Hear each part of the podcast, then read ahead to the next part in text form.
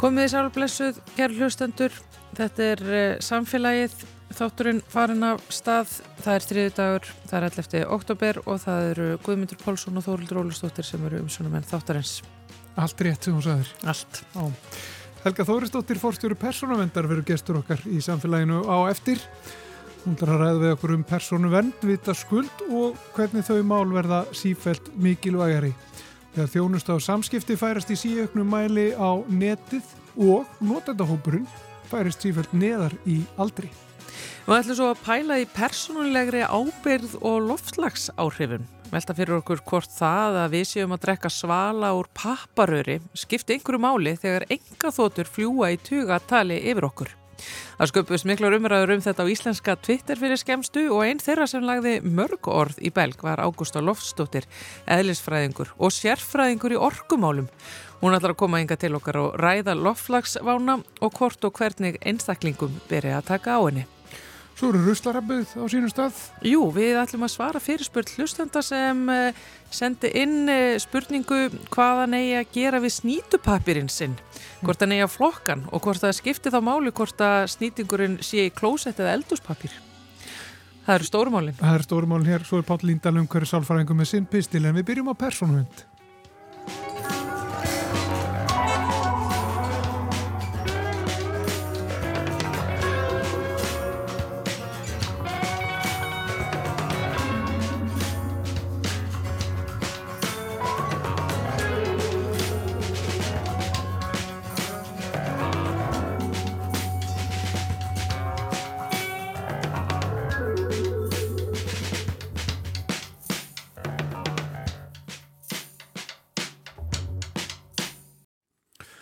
Er sest í okkur Helga Þóristóttir fórstjóru persónuvendar, velkomin til okkar. Takk fyrir kjalla Okkur langar að tala við þig bara svona, ég ætla aldrei vítt um, um persónuvend og, og uh, þína stofnun. Uh, og það reglur sem að uh, eru gildi og allir þurfa nú að fara eftir. Sko þróunin er að verða þannig og hefur verið undanfærin ár og er að verða alltaf svona, það er alltaf mikil tungi núna í þessari þróun að þjónusta og samskipti þetta er fara að færast mjög mikið yfir á, á netið og þá þarf að geima gögn um, personu svona greinanlega gögn um fólk viðkvæmar upplýsingar oft á tíðum getur þú eitthvað svona sagt okkur um, um þetta umfang veginn og hvernig þetta er að breytast? Já, já, þetta er einmitt aldrei staðan að þetta er pildið yfir og allt um kringa því að í rauninni maður fer og hugsa um alla geira samfélagsins þá eru þeir allir að vinna einhverjar personupplýsingar, mjög smundi miklar og þá koma lögin inn í og hjálpa okkur að hvað eru viðkomar personupplýsingar það eru til dæmis heilbríðsupplýsingar og upplýsingar um tengt kynlífi og, og, og trúar upplýsingar og jafnvel stjættarfélag upplýsingar eitthvað sem okkur finnst minna mikilvægt og, en svo er það allar hina líka fjárhásupplýsingarnar og það er eiginlega bara þannig að, að ennþá er bara útgangspunkturinn þessi, þú mátt ekki vinna personupplýsingar nefnum þú hafir til þess heimild. Og þá þurfa ofinbyrjaðalar að máta sig við þetta hvað þeir oftast vinna samkvæmt lögum, heimildi lögum. Nú eða eftir almannahagsmunum einhverju slíku, nú fyrirtækinn þurfa oftast samþykki. Og þá þarf bara að pilda hólfita niður. Hvað er undir hverju sinni? Og hver ber ábyrð á því hvernig upplýsingarnar eru unnar ertu að skipta við sjúkrastofnun, er það þá helbriðskerinn eða ertu að, að kaupa nýja áskrifti í síman eða, eða, eða hjá fjarskipta aðlanum þannig að, að í grunninn þá náttúrulega sko á einstaklingurinn að geta verið vissum að þeir sem að hann skiptir við, hvort sem það eru fyrirtækja markaði eða ofinbyrjaðalar að þeir fari að þessum persónuundalögum Já. það búið einlega greiðlega þunga sektir en í rauninni er þessu samt þannig farið að, að það er volið gott að einstaklinga spyrja sér líka spurninga og, og, og, og spyrja þá sem að þeir tala við spurninga hvernig, hvernig geim upplýsingarna mínar og hvað er það að gera og allt þetta þannig að, að, svona, að svona vera með svona smá raukhyggju eða svona raugræna hugsun Hver, af hverju þú að byggja um þetta mm -hmm. alveg eins og fataframlegundur er jafnveg fann að framleiða upp það sem þið vilja vita hversu oft þú gengur í galabúsunum svo kaupifræðum oh. og, og þú veist, allar ég að leifa aðgengja þeim upplýsingum, þannig að þú þarf að velta fyrir þér eh, þægindin að, að, að hlaða niður ykkur appi að mótsist að hvaða upplýsingar vill appi fá úr mínu síma mm -hmm. vill að fá alls símtölin mín og dagtölin og viðkomi upplýsingarnar við erum með bara fullt að dæmum um svona og þurfum ekki alltaf að fara út fyrir landsteinina þegar það kemur að svona sko. Og þetta er, það er enn þannig að, að þú getur verið með appi símanuðunum sem að er kannski ég segjum að sé að mæla bara hvað þú gengur mikið á dag eða eitthvað og það hefur þá jafnvel aðgang að, að um, fleiri upplýsingum um því. Flest upp. Við hverju þú skiptir eða, eða hvað þú skoður á netinu eða eitthvað slið. Já, það, það má segja að þau hafa það flest sammest öppin að vera frek á okkur upplýsingar og þá er spurningin, um, þú vill kannski skipta þig eitthvað eitt fyrirtæki og er alveg saman með það fá einhver upplýsingar en þú vilt vita hvort að það fyrirtæki láti þínar upplýsingar til tuga og hundraða annara fyrirtækja. Mm -hmm.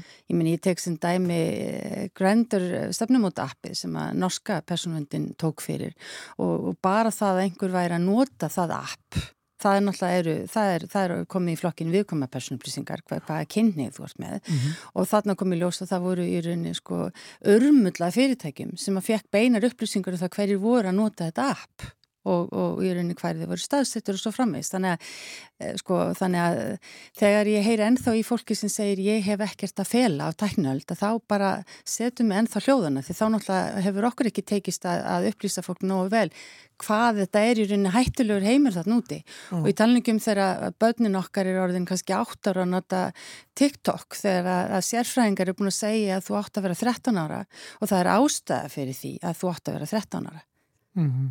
Og það er líka ástæða fyrir því að staldra við þegar að, þegar að í rauninni sko helstu stjórnendur, helstu stækni fyrirtækja í heiminum koma fram og segja ég myndi aldrei lega banninu mínu að vera með snjálfsíma og nú er eh, Haraldur okkar rampamaður búin að bæta sér þann hóp, Já. sjálfur vinnandi í þessu umhverfi og, og, og, og kemur ekki til greina að tíu ára bannið hans eh, noti snjálfsíma og ég bara skil hann mjög vel. Já. En við erum líka orðin bara mjög dofin eh, fyrir þessu Helga, þú talar um að við erum að beita einhvers konar raukhugsun en veist, ég bara gef kennitöluna mína upp, finnst mér bara mörgusinum á dag bara út um allan bæ við alls konar stopnarnir, ég, meni, ég veit ekkert hvað er ég á að stoppa, hvað er ég á að draga línuna í sandin. Já, þú kaupir ráftæki, þá er, ertu beðinu kennitölu eða sko. Já, ég meina, hvert sem að fyrir. Já, en þarna, þarna er í rauninni, sko, þarna, þarna komið að sér íslenskri heimild að það má nota kennitöluna víðar hér heldurun í helstu nágrunlöndum og það er svona, um, eins og ég hef sagt margsinnis í rauninni skoðun útaf fyrir sig hvort við þurfum kannski aðeins að hugsa um þetta vegna þess að þetta er oft helminguna aðgangsorði að einhver öðru sem vilt að enginn komist í. Mm -hmm. Þannig að ert að skipta við bankan það að vera alveg ljóst að þetta sér þú. Að erst að skipta við spítala eða heilbjörnstofnun eða fara til læknis. Gott og vel, en ef þú ætlar að, að, að, að vera í einhverju vildarklúpi einhver staðar, eða ætlar að staðgreða uh, baðsloppin sem á að vera jólagjöf fyrir magan eða hvað nú er, að þá máttu segja nei, til hvers þarfst upplýsingarna ég er að staðgreða og, og, og, og ég vil ekkert vera í þínu kerfi Þannig að, að, að aftur neytandin hefur val Já. og hverjir kunna fara með þetta, það er, er málingaveruverslun hérna í bænum sem ég hef bara verið mjög ána með. Afhverju, þegar maður kemur þangað inn að þá spurt sko hvað er símanúmið þitt? Og það veit svo til að, að þessi málingaveruverslun hefur snertingu við, við eh, annað norrand land og það er bara betur passað upp á þetta. Það er alveg óþálandi að hlusta fólku til ég kennitölur alltaf hægur og vinstri meginn við sig og þess vegna er ég nú eða ekki inn Nei, næ, vá, ég bara, ég þarf að taka þetta með mér næstu þegar ég fer út í búð þessa hugsun sko, eins og ég segi, maður bara dopnar upp gagvart þessu, Vist, þetta er einhvern veginn held ég sem að þú segir Helga, sko, þetta sé eitthvað sem að þið viljið að koma framfæri við almenning sem að er hins vegar bara svolítið bara að drífa sig sko. En þegar almenningurinn fer að átta sig betur á sko möguleikum tækninar og aftur, bara ég staldra við það þegar að sísta, helstu sko, fórstjörar leifa börnunum sínum ekki nota þessi tæki. Afhverju er það? Og, og þarna til dæmis er persónuvend nýlega búin að vinna leiðbynningar ítalegar með um bósmanni barna og fjölmjölanemt það sem er verið að segja nákvæmlega hvað þessu upp er að gera. Hvað er TikTok að gera og hvað er öll hinn uppin að gera? Og, og hverjum, hvað upplýsingum eru þau að sapna og með hverjum deilaðu upplýsingarna og það vil til dæmis svo til að því að mér tíðrætt um TikTok að, að það er einn svona í rauninni e, sko frekasti algrímin af þeim öllum. Og, og, og þegar í rauninni 8 og 9 ára börn eru fann að, að, að nota svona tækja staðaldri og, og sko ef þau segja eitthvað sem er metið á gráu svæði, eitthvað orð sem kannski tengist sko e, samskipti kynjana eða hvaða nú er að þá bara er það bara sokkið ofin í ákveðna hildi upp í skjá og bergmálshelli og sem að getur kannski látið batni fá að sjá eitthvað sem fólkdrar hafa aldrei möguleika á að passa upp á. Mm -hmm. og þetta er alveg eins og, og fjölmennilegum kom svo skemmtilega orði að, að ég menna við kennum börnunum að synda. Og hvenar ætlum við að henda ringunum til þeirra þau veist ekki eins og hvað, hvaða hildýpi þau eru mm. og alveg eins og þetta með umfröðarreglutnar að, að, að þess vegna eins og aftur Haraldur Rampamæður og ef ég leiði mér að benda á hann þannig að, að þá er mitt bendan á að það er hans skoðun að það hlýtur að koma því að við í rauninni þrengjum ennfrekar aðgengi barna að þessum uh, tækjum uh, alveg eins og með tópuslaugjöfin að banna að selja börnum undir þessum aldri og virkilega eftirfylgni. Vegna að það eru bara svo margar hættur þann úti og það er ástæði fyrir því að þetta eru verðmætustu fyrirtæki í heiminum, þau sem er að vinna upplýsingarnar um okkur. Og við erum komin ofin í andlit skreiningar tæknina, við erum komin með gerfugreindina og við erum komin með rattbeitinguna mm. og við erum komin með bara í rauninni gungulæð, þannig að þú veist, þetta er allt ríkt og, og viti bara þið megið trúa því að, að, að það er unni með þessar upplýsingar. Og ég meina við erum líka að tala um þetta sko eh, auðvitað fáistundum svona einhver smarri mál eh, til okkar eins og kannski er afrænt eftirlita vinnustað sem samt getur skipt gríðlega miklu máli. En við erum með samt sko heilu samfélagin og rauninni hugsunna undir sko líðræðið er í hættu Ég meina, ennþá er fólk sem átt að segja á því hvað er búið að sína fram á hvernig Trump náði kjöri. Þegar þú veist, ég meina, maður næri ekki þeim sem er lengst til hægri eða þeim sem er lengst til vinstri en maður næri miðjumóðinu með þeirri tekni sem er til. Og hvernig nærðu miðjumóðinu, þú býr til síður, bara uh, þessir elska Trump og hvort skóptofnei undir að henni og þessir og hinn og þessir. Og þarna eru þeir sem eru að, að leiða þessar síður komið með hóp í hendurnar spila á tilfinningar, spila á eitthvað segja Trump mun gera þetta, lofa ykkur þessu og þessu þessu, gera það ekki, það vitum við ekki dum, að það er næstu komið aðteglina og þannig að tóir í spottana og það er verið að tói tilfinninga og hræðslu og ánægju bara þetta sem við erum veikust fyrir. Og þannig er við fengið til að gera eitthvað. Og ég menna þetta fara að vera þannig sko hver, hver ræður ríkum einhverju heilu landi í fjögur ár, ég menna það er hægt að koma þokkala mörgum málum á satt Mjög aðtilsvert hvað uh, þetta sem þú vorust að segja núna Helga rýmar við umræðuna sem var hér í samfélaginu í dag þar sem við vorum að velta fyrir okkur okkur Elon Musk vill endilega kaupa Twitter sem er ekki vermætt fyrirtæki peninglega séð en einmitt mögulega út af einhverju öðru eins og því sem þú ert að koma í orð hér. Aðgengað öllum þeim sem nota Twitter og þeir eru ekki fáir að heimsvísu. Uh -huh. um, ef við veldum aðeins fyrir okkur líka þá veldum aðeins fyrir okkur sko, fjármála upplýsingum að Um, núna er það þannig að fólk getur fengið alls konar rikninga og, og, og rukkanir í heimabankan sinn sem það kæri sig um, baði um, um sem er átt að segja kannski ekki endilega hvort er skulda eða, eða ekki, þetta er svona einhverja valgreðslur til dæmis. Annað er sko að félagsamtöku til dæmis geta verið að sapna áskrifendum eða einhverjum frjálsum framlögum, eitthvað slíkt og þá einu sem þurfa er kennitalaðinn og það byrtist bara í bánkanaðinn. Er þetta eh, viðsjárvert? Er þetta eitthvað sem þarf að horfa til? Má þetta í öllum tilfellum? Sko þarna kemur að einhverju sem að ég myndi eiginlega bara vilja skoða betur. Ég, ég, maður hefur heyrt af þessu og, og ég myndi valgreislur eru það er öllum ljósar að séu valgreislur.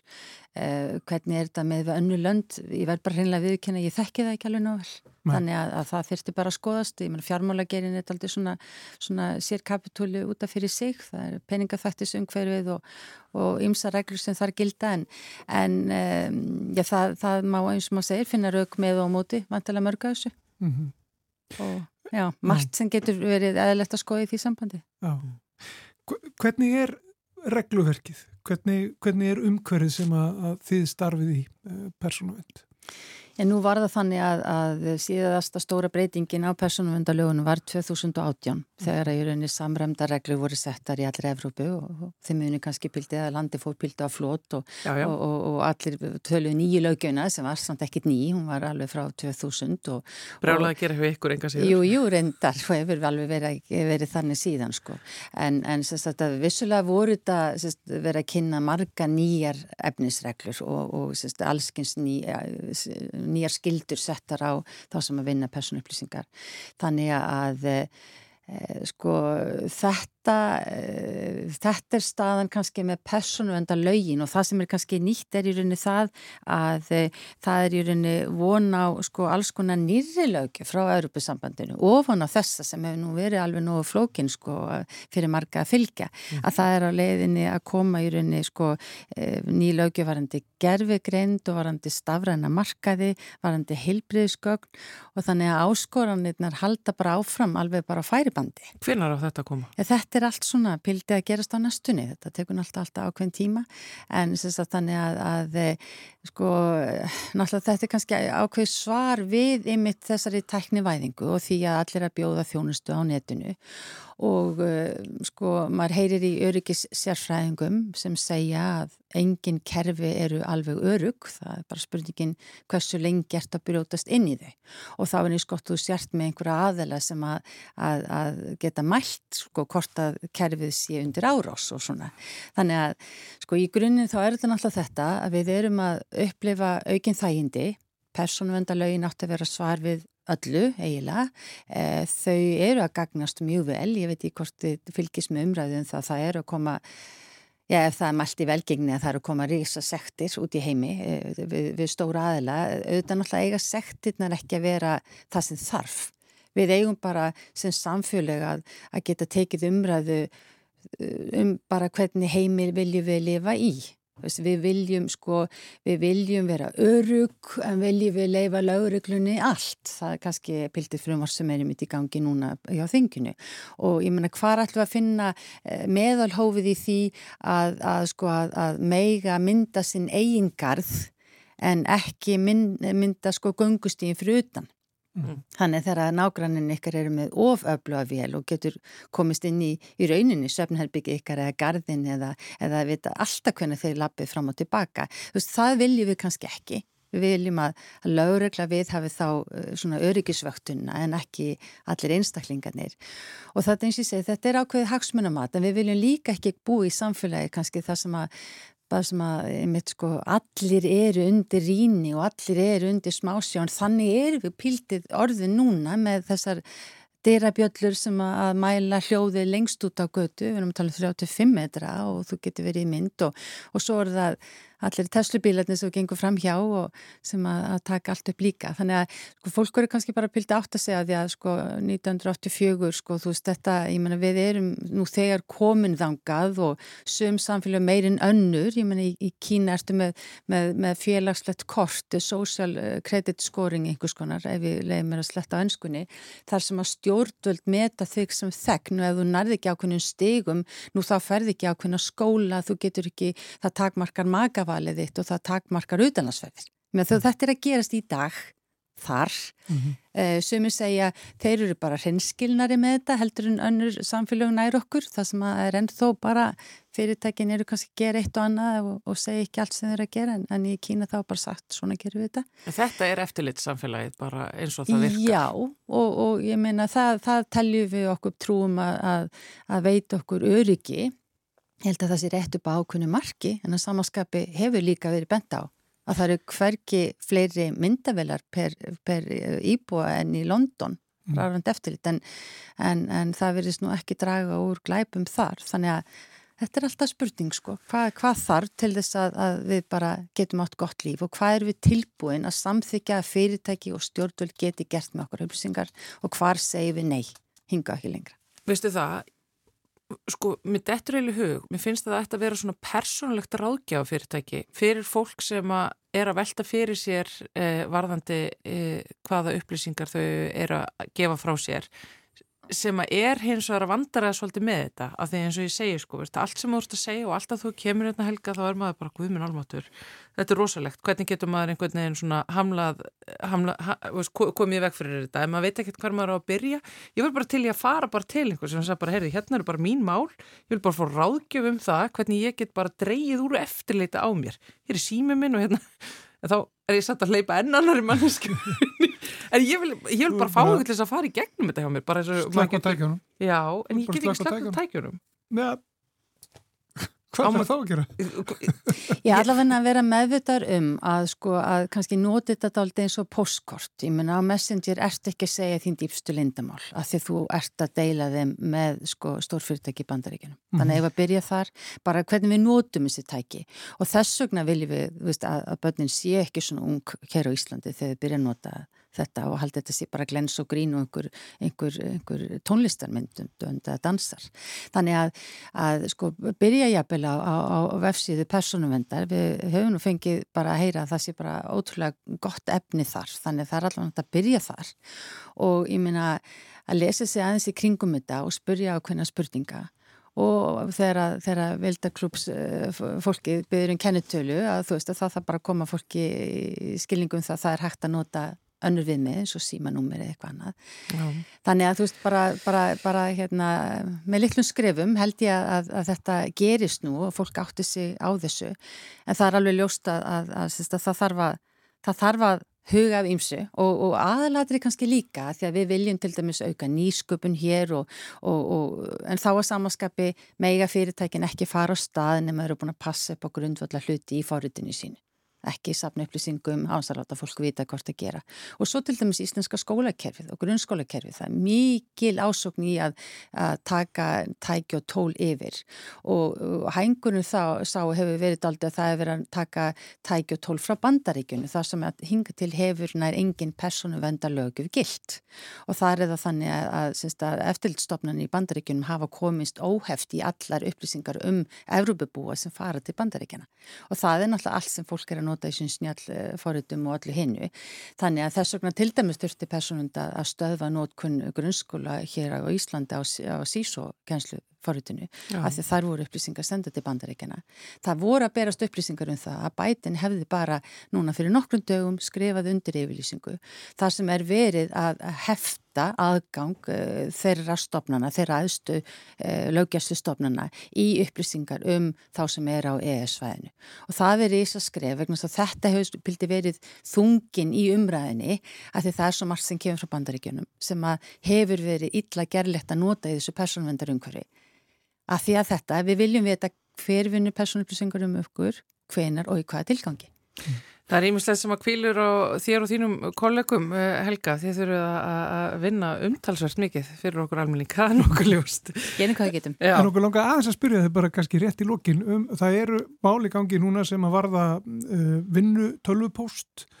Uh, hvaða reglur gilda um, um tölvupóst í, í vinnu og, og, og aðgang vinnu veitanda að þeim tölvupóst og þá fyrirverandi vinnuvitanda þegar fólk hættir störfum. Já, það eru mitt gamlar og, og góðar reglur í rauninni sem að hægt er að finna á netinu um það og, og svona kannski uh, grunn hugsunin ætti að vera hjá fólki að blanda ekki saman vinnu postfangi og engapósti. Það er alltaf ofsalega þægilegt að bara byrja þar.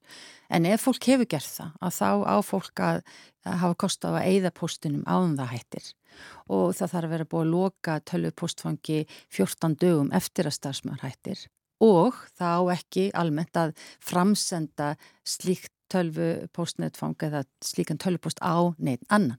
Mm -hmm. Og alveg eins ef einhver verður veikur að þá alltaf að gefa starfsmanni kost á að vera viðstatur eða senda fulltrúa. Það er ansi margir í gegnum árin sem hafa flaska á þessu, ansi margir úrskurðir sem hafa tekið á þessu. Auðvitað er eitt uh, atvik sjaldan algjörlega öðru líkt en þetta er svona grunninn sem þarf að hugsa um. Já. Við komumst ekki lengra, Helga Þóristóttir. Helga er ekki með stjallur. bara, já, eins og ég. Við sé bara sko, veist að púlsun á mig ríkur upp við að taka eftir þessu. Ástæð fyrir því. Takk fyrir komuna, Helga. Takk fyrir mig. Sunny. Yesterday my life was filled with rain. Sunny. You smiled at me and really eased the pain. Now the dark days are done and the bright days are here. my sunny one shines so sincere, sunny one so true. I love you, sunny. Thank you for the sunshine bouquet, sunny. Thank you for the love you brought my way. You gave to me your all in all, and now I feel ten feet tall. Sunny one so true, I love you.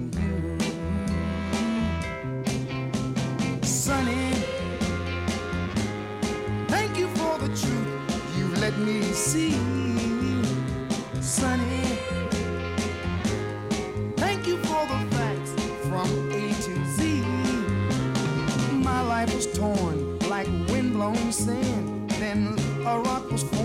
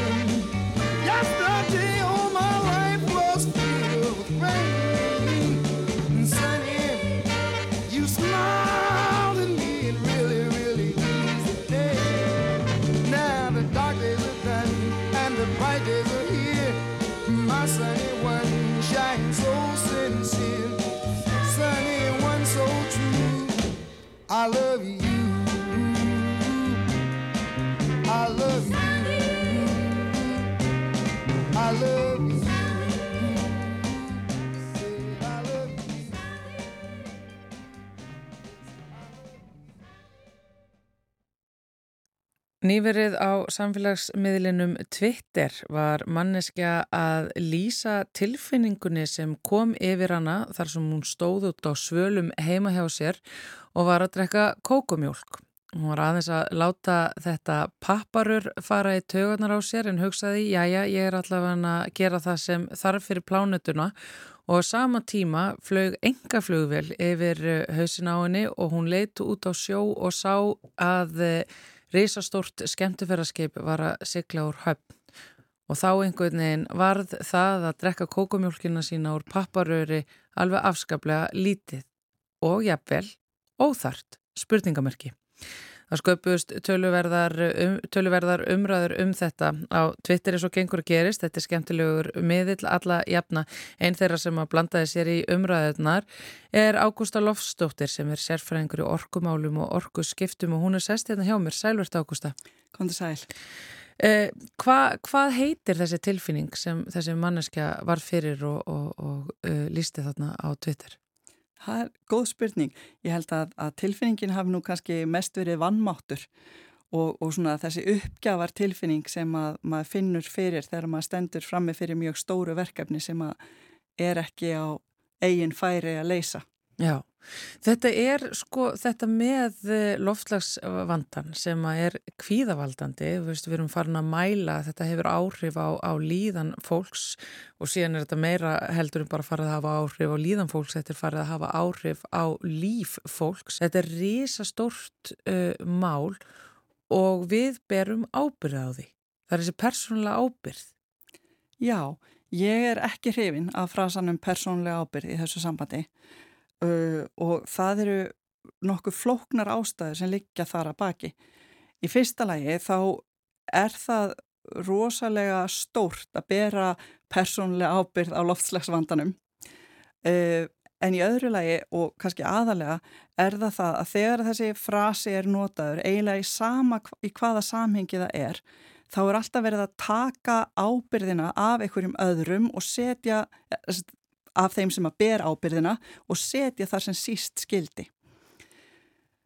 Það sem ég á við hérna er að við sem einstaklingar þegar kemur á loftslags váni, við getum gert helling en við getum ekki gert allt. Og loftslagsmálinn eru í eðli sínu mjög kerfisbundi vandamál. Uh, losun, við hægt að líta á losun sem auðlind og hún er ekki uh, sjálfbær, þetta er, ekki, þetta er endanleg auðlind og hún kostar ekki mikið en það er hægt að græða gríðarlega mikið á henni og þú sér það strax ef þú uh, ef það eru engar ívilnanir til dæmis á rafbílum þá eru þeir þessi nýja tækni þá eru þeir tölverð dýrari heldur en bensínbílar mm. það er ódýrara að, að kaupa bensínbíl vegna þess að þú ert ekki að greiða fyrir lósunna sem hann veldur Já. hvorki þú eða bílaframlegandin er að greiða fyrir lósunna, ekki fullt verð og og af því að þessi, þessi lósun er svona, hvað maður að segja free for all auðlind, eitthvað sem að, að, að stórfyrirtæki geta sótt í þá er þetta, þá er þetta mikil tregða í kerfinu við að fara svona, í alvöru aðgerðir, kerfispunnar aðgerðir það, og þá er þá er svo auðvelt að beita þessum frasa sem er svolítið blekkingarfrasi mm.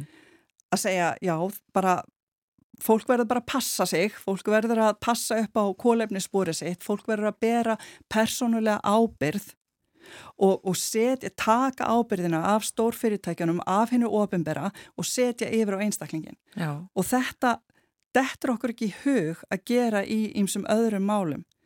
Til dæmis, ef við tökum eitthvað sem við þekkjum rosalega vel, bara umferðaröryggi. Já. Það er ekkit ránt við það að segja að maður eigi að passa sig í umferðinni. En það er algjörlega ránt að segja við eigum að passa okkur í umferðinni og þess vegna þurfum við ekkert að, að vera með öryggisbelti eða öryggisbúnaði í bílum eða byggja bíla eftir einhvernum stöðlum af því að við eigum að passa okkur í umferðinni skilur við mig? Já, já. Það er að segja þegar við erum að nota þennan frasa að, að persónulega ábyrð þá er það oft gert til þess að færa ábyrðina til og setja minnstu mögulega ábyrð á stjórnvöld og stórfyrirtæki. En hvað með pælingunum að við séum öll í þessu saman? Já, alveg rétt og, og veistu hvað? Við gerðum eitthvað í því. Við erum með 63 einstaklinga í fullri vinnu að leysa svona mál fyrir okkur upp á alþingi og þau eru með fullta fólki í sínum ofinberu stopnunum uh, til þess að vinna fyrir sig líka. Þannig að við erum með þetta ofinbera batteri. Það, það á að leysa svona þessi kerfispunnu stóru vandamál að mínum aði það þýðir ekki að við eigum ekki að gera allt sem við getum. Allir þeir sem fylgjast eitthvað með loftslagsmálunum vita að, þú veist, núna bara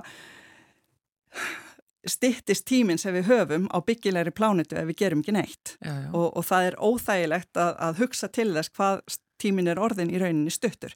Hann er auðvitað eigum við að hugsa um okkur og reyna að gera það sem við getum.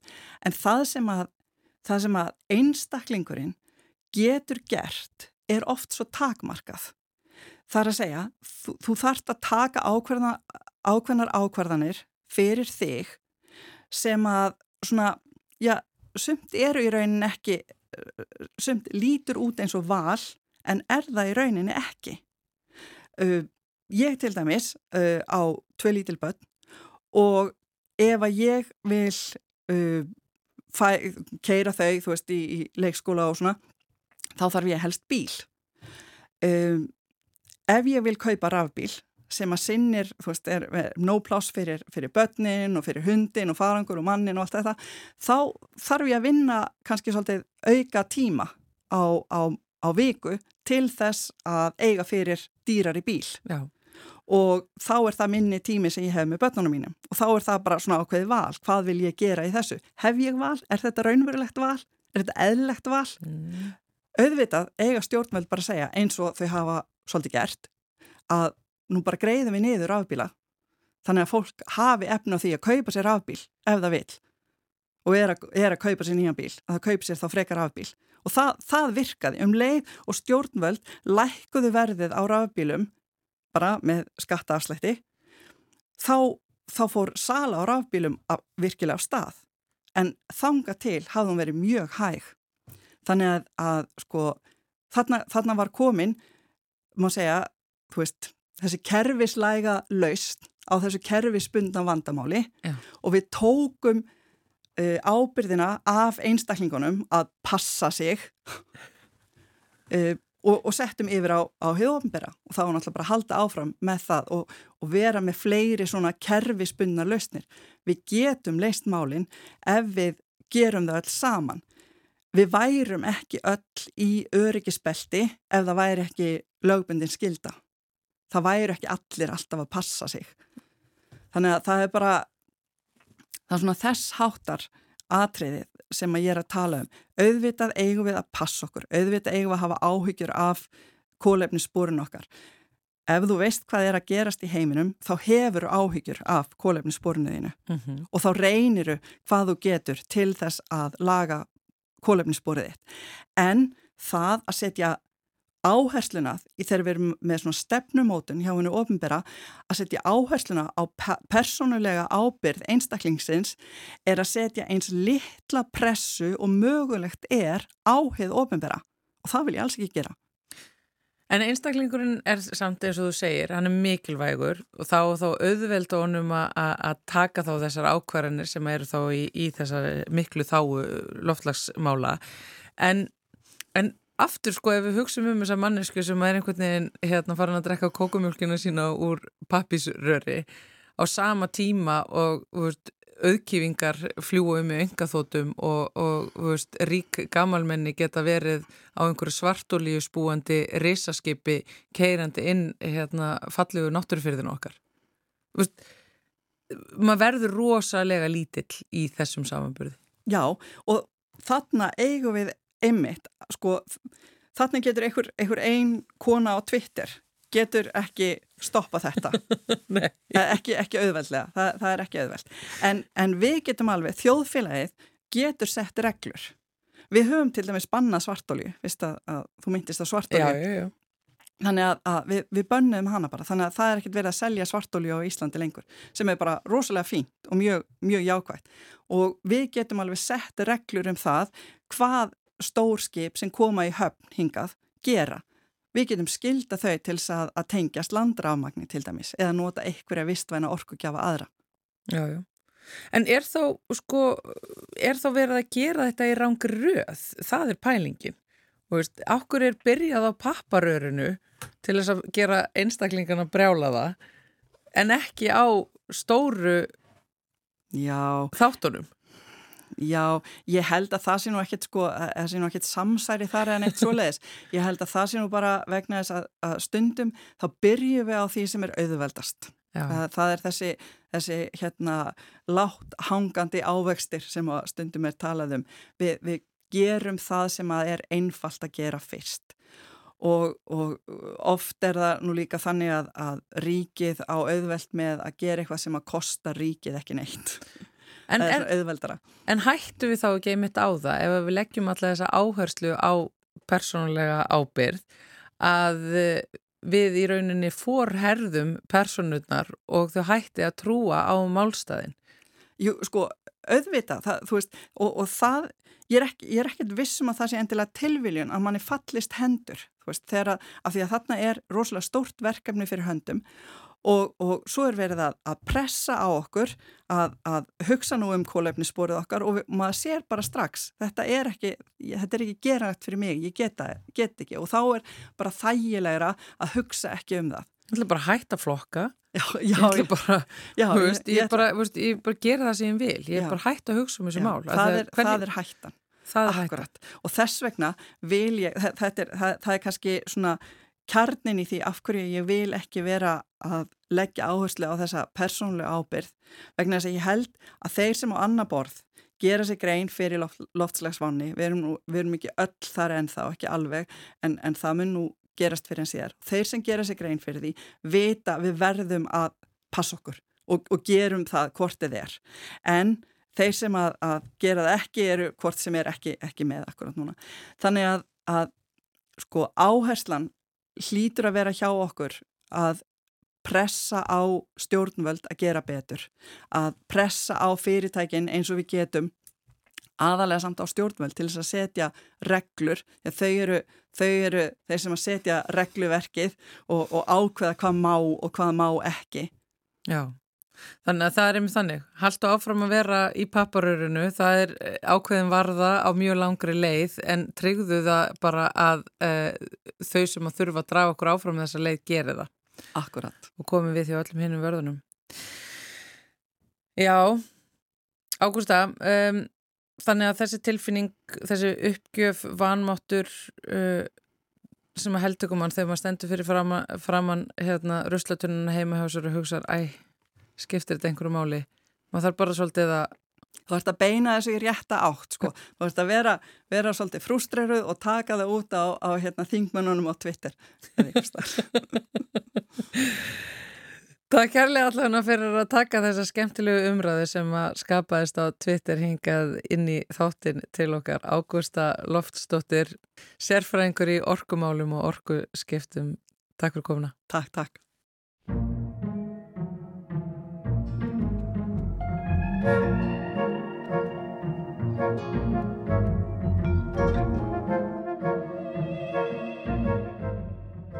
Ruslarappið hér í samfélaginu, Eiríkur Örð Þorstensson, okkar maður hjá Sorpu, sérfræðingur í fræðslu og miðlun, er sestur hjá okkur til þess að svara fyrir spurnum frá hlustandum meðal annars sem að senda þar inn á samfélagið at ruvaf.is og uh, við fengum uh, fyrir spurt frá manni sem að snýti sér mjög gærnan uh, í eldúspappir af því að hann tekur inn nefntobak í nef Hann vil meina að hann eigi að setja snýtupappinu sinn í pappisenduvinnslu. Er það svo? Uh, nei og sérstaklega reyndar með þetta og ef hann er þetta ekki nefið og, og svo snýta sér þannig að þá hafa þetta bara alls ekki heima með, með pappir ef það er einhverjar tóbaksleifar hana en, en sem sagt svona eldúspappir uh, innheldur lítið af svo kallum pappirstrefjum sem er svona fórsenda þess að það sé hægt að endur vinna pappir þannig að hann á frekar að fara með almennasorpinu Og á og, þetta þá líka við um klósettpapir? Já, og klósettpapir náttúrulega fyrir bara þá í, klósettið. En, en þetta er eitthvað sem að, klósettpapir og, og eldúspapir, það er ekki, eitthvað sem að fyrir ekki með, uh, hérna, bara einum vennjulega papir sem að við þess að í papirstunnuna, minna ég. En okkur heitir þetta þá papir? Hvað ætti þetta annað að heita? Þetta, þetta er náttúrulega, þetta er papir, þetta uh, ripnar eins og papir og, og hérna, er búið til úr bara svipað efni og, og pappir eins og blöð og slíkt en, en bara þetta Flokkast ekki sem slíkt? Nei, innihaldur lítið af þessum pappirstrefjum sko. Já. Já, þetta er svona pínulítið flókið þannig að aftur er þannig uh, uh, klósetpappir og eldurspapir er ekki flokkalegt sem pappir og alls, alls ekki þegar þú ert búin að snýta þér í það. Nei, setjum það frekar þá bara með almenna. Alltaf með almenna. En, en líka með, með þennan pappir, þetta er náttúrulega gert mjög mengandi papír fyrir umhverfið eða slíkt og þetta náttúrulega brotnar auðveldlega niður. Kanski helsti munurinn á, á þessum eldusbreyfum og, og öðrum papír er að, að hérna, uh, þau hætta ekki í endurvinnslu, þess að þetta ekki hætta að endurvinna þetta. Mm -hmm. En einmitt nákvæmlega eins og klósetpapirinn, hann náttúrulega er góður sem slíkur að því að honum er ætlað að fara í klósetin, hann á að eðast upp það. Já. Já, fáttur svo með öll ílt. Akkurat. Eirikur Örþórstisson, takk kærlega fyrir að fara yfir þetta hérna með okkur í samfélaginu. Takk fyrir mig.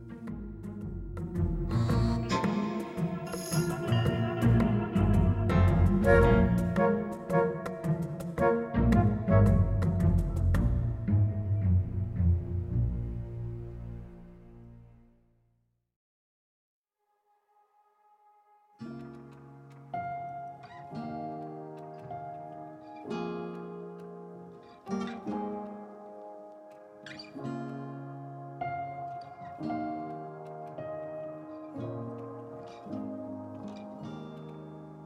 er með hólur í höstnum Munn sem segir þér frá. Ég er með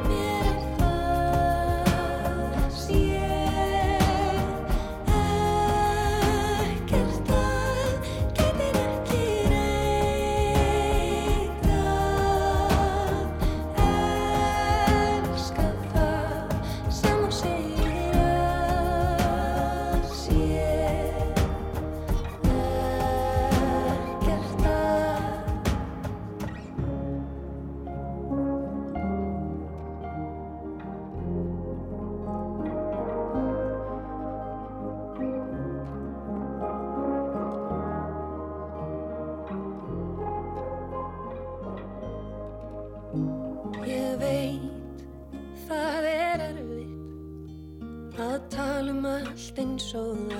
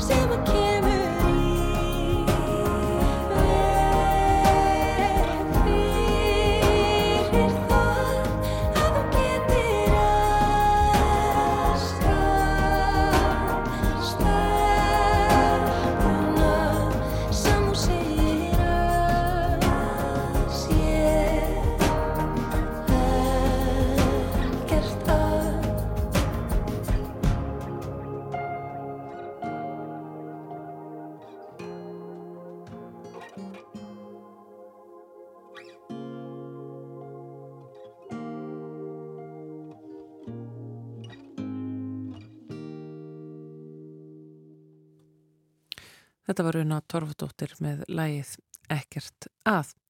En þá er komið að Páli Líndal, umhverfisálfræðingi með sinn pistil. Herra minn, niður með fæturna.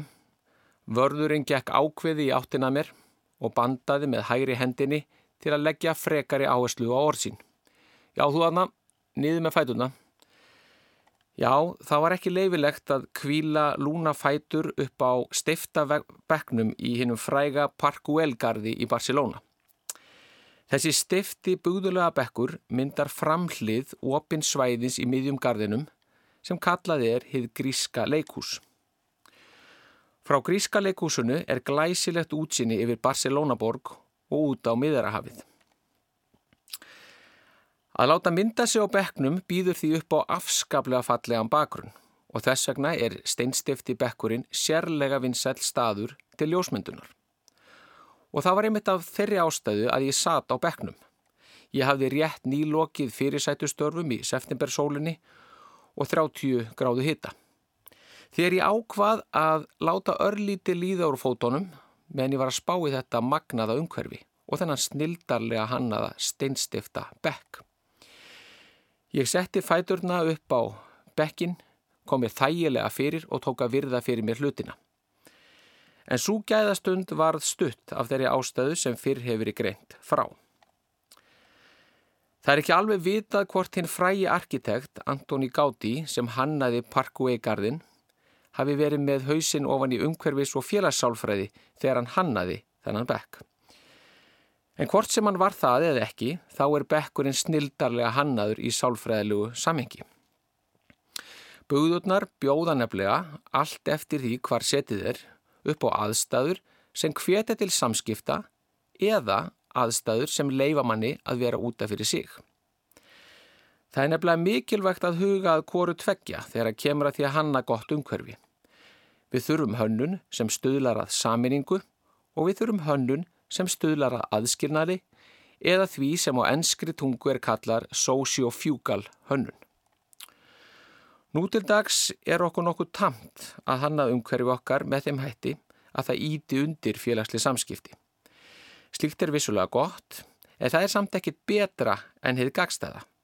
Því að stundum þurfum við að geta verið ein með sjálfum okkur, við þurfum næði og við viljum næði.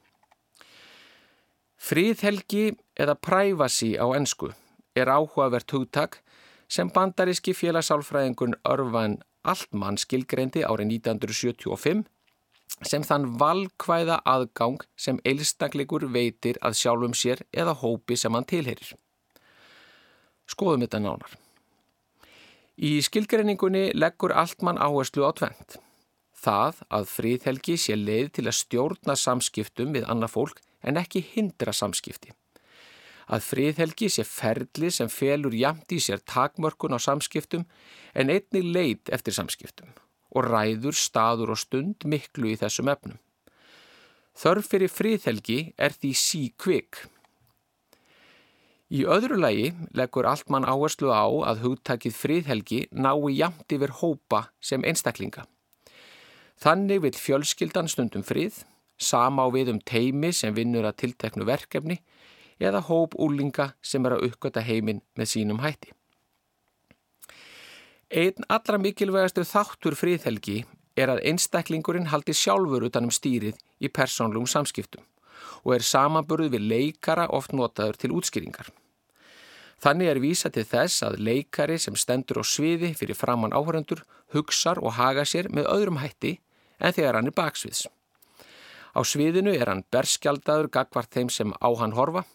Hann hefur samþygt að hugsa og haga sér með ákveðnum hætti og hann hefur samþygt aðstæðunar. Baksviðs er hins vegar allt annað upp á teiningum. Þar getur leikarin verið í einrúmi og sínt á sér allt aðra hliðar enda engir áhærundur að fylgjast með. Aðstæðunar eru því gjör ólíkar en báðar mikilvægur á sinn hátt enda mikilvægt að við höfum stjórn á því hvaða upplýsingum, hvar og hvenar við deilum með öðrum og hvaða upplýsingum við deilum ekki með öðrum. Þó maður sem mann skaman og mikilvægi félagstæra samskipta sent ofmetið, þá hefur fríðhelgin og það að njóta innveru margvíslega kosti í förmið sér. Sem dæmi er hún mikilvægur þátt í, í frelsu okkar því að þegar við njótum hennar getum við hugsað og hegðað okkur án utanakomandi afskipta. Þá veitir fríðhelgin, sé hún virt af öðrum, okkur einnig öryggi. Hún getur ítt undir skapandi vinnu og þangagang því að við fáum ráðrum til að setja hugmyndur niður á blað og eða æf okkur án afskipta annara. Svo er það nándin. Fríðhelgin er geysilega mikilvæg þáttur í djúbri og eða innilegri tengslamyndun við annað fólk.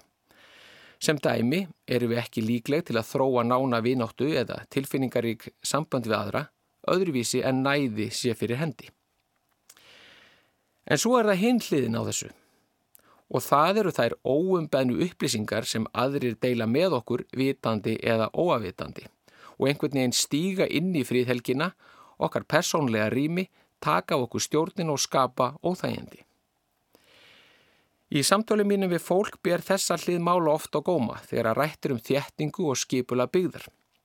Því víða eru hlutinir með þeim hætti að nándin við nágranna er slík að minnsta reyfingi næstu íbúð fangar aðtiklina og sumir sé að geta talið seriósringina í skálunum þegar að nágranna fjölskyldan fær sér morgumat. Fólk segist ekki geta haft gardínur dregnar frá glukkum því nágrannar bjóðu stundum upp á atferðli og athafnir sem engin áhugi sé að verða vittni af. Stundum óska ég þess hreinlega að stofa mín væri gluggalös, saði kona einn við mig nýverið. Mér finnst oft svo óþægilegt að horfa út um stofugluggan sem vísar beintin í íbúð nákvæmans því nánast hvena sem er getur eitthvað óvænt borið fyrir. Þess vegna er meira og minna alltaf dreyið fyrir, bætti hún við. Þessi mál er snúað hönnun umhverfis og friðhelgi fólks, hafa lengi verið með hugleikin og þá engum hversu lítið er oft hugaða þessum málaflokki. Eitt sinn leituð íbúar í þá nýlega reistu fjölbílishúsi í Vestubæ Reykjavíkur til mín vegna þess að þeir töldu sig ekki hafa tækifæri til að njóta garðsins sem tilheyrði húsinu. Ástafan var svo að þeir upplýðu sig fullkomlega berskjaldaða í garðinum, en það voru þeir þar í auksín allra annara íbúa húsins og ekkert skjólað þá. Í garðinum voru þeir rétt eins og fiskar í fiskabúri. Sömuleiðis er mér hugleikin hönnun á húsi í nýlega byggðu hverfi á Akureyri. Í húsinu er gólfsýður 360 cm hár og 320 cm breyður gluggi og stendur hann andspænis sambærilegum glugga í samskonar húsi sem er í um 7 metra fjarlægð. Gluggonum er ættað að veita útsinni út úr þeim hluta íbúðana sem kallast alrými. Í februar 2020 var fyrsta skóplustungan tekin vegna byggingar sem hýsa á skrifstofur alþingis. Eftir óheirilegan gauragang næstu mánuðina á eftir hófst uppsteipa á húsinu í september sama ár. Ári síðar voru við á fjóruðahæðinni í húsi Haptrættis Háskóla Íslands, þar sem ég rak fyrirtæki mitt, farnir að horfa djúft í augu byggingastarfsmanna, þar sem þeir unnu sín verk í aðeins nokkura metra fjarlægð. Þunglamaleg bygging með mörgum gluggum var að rýsa ískikilega nálagt okkur. Bygging sem brátt myndi fyllast af starfsmönnum alþingis og þingmönnum. Fólki sem myndi horfa á okkur og við á það. Það stemdi í nánara samband við þessa aðstu stopnu líðveldilsins en við kærðum okkur um. Við sáum sæng okkar útbreyta, pökkuðum saman og fórum. Þannig til næst. Þannig til næst saði Bál Líndal umhverjusálfræðingur sem að flutt okkur hér pistil eins og hann gerir alltaf reglulega hér í samfélaginu. Já, njóta mikill að vinsalda þessir pislarans enda einstaklega áhugaverðir og hafa fengið marga til þess að horfa öðrum augum á umhverju sitt. En uh, samfélaginu er lokið í dag. Uh, Þóruldur Ólastóttur og Guðmundur Pálsson verða með okkur á sama tíma á morgun. Verið sæl.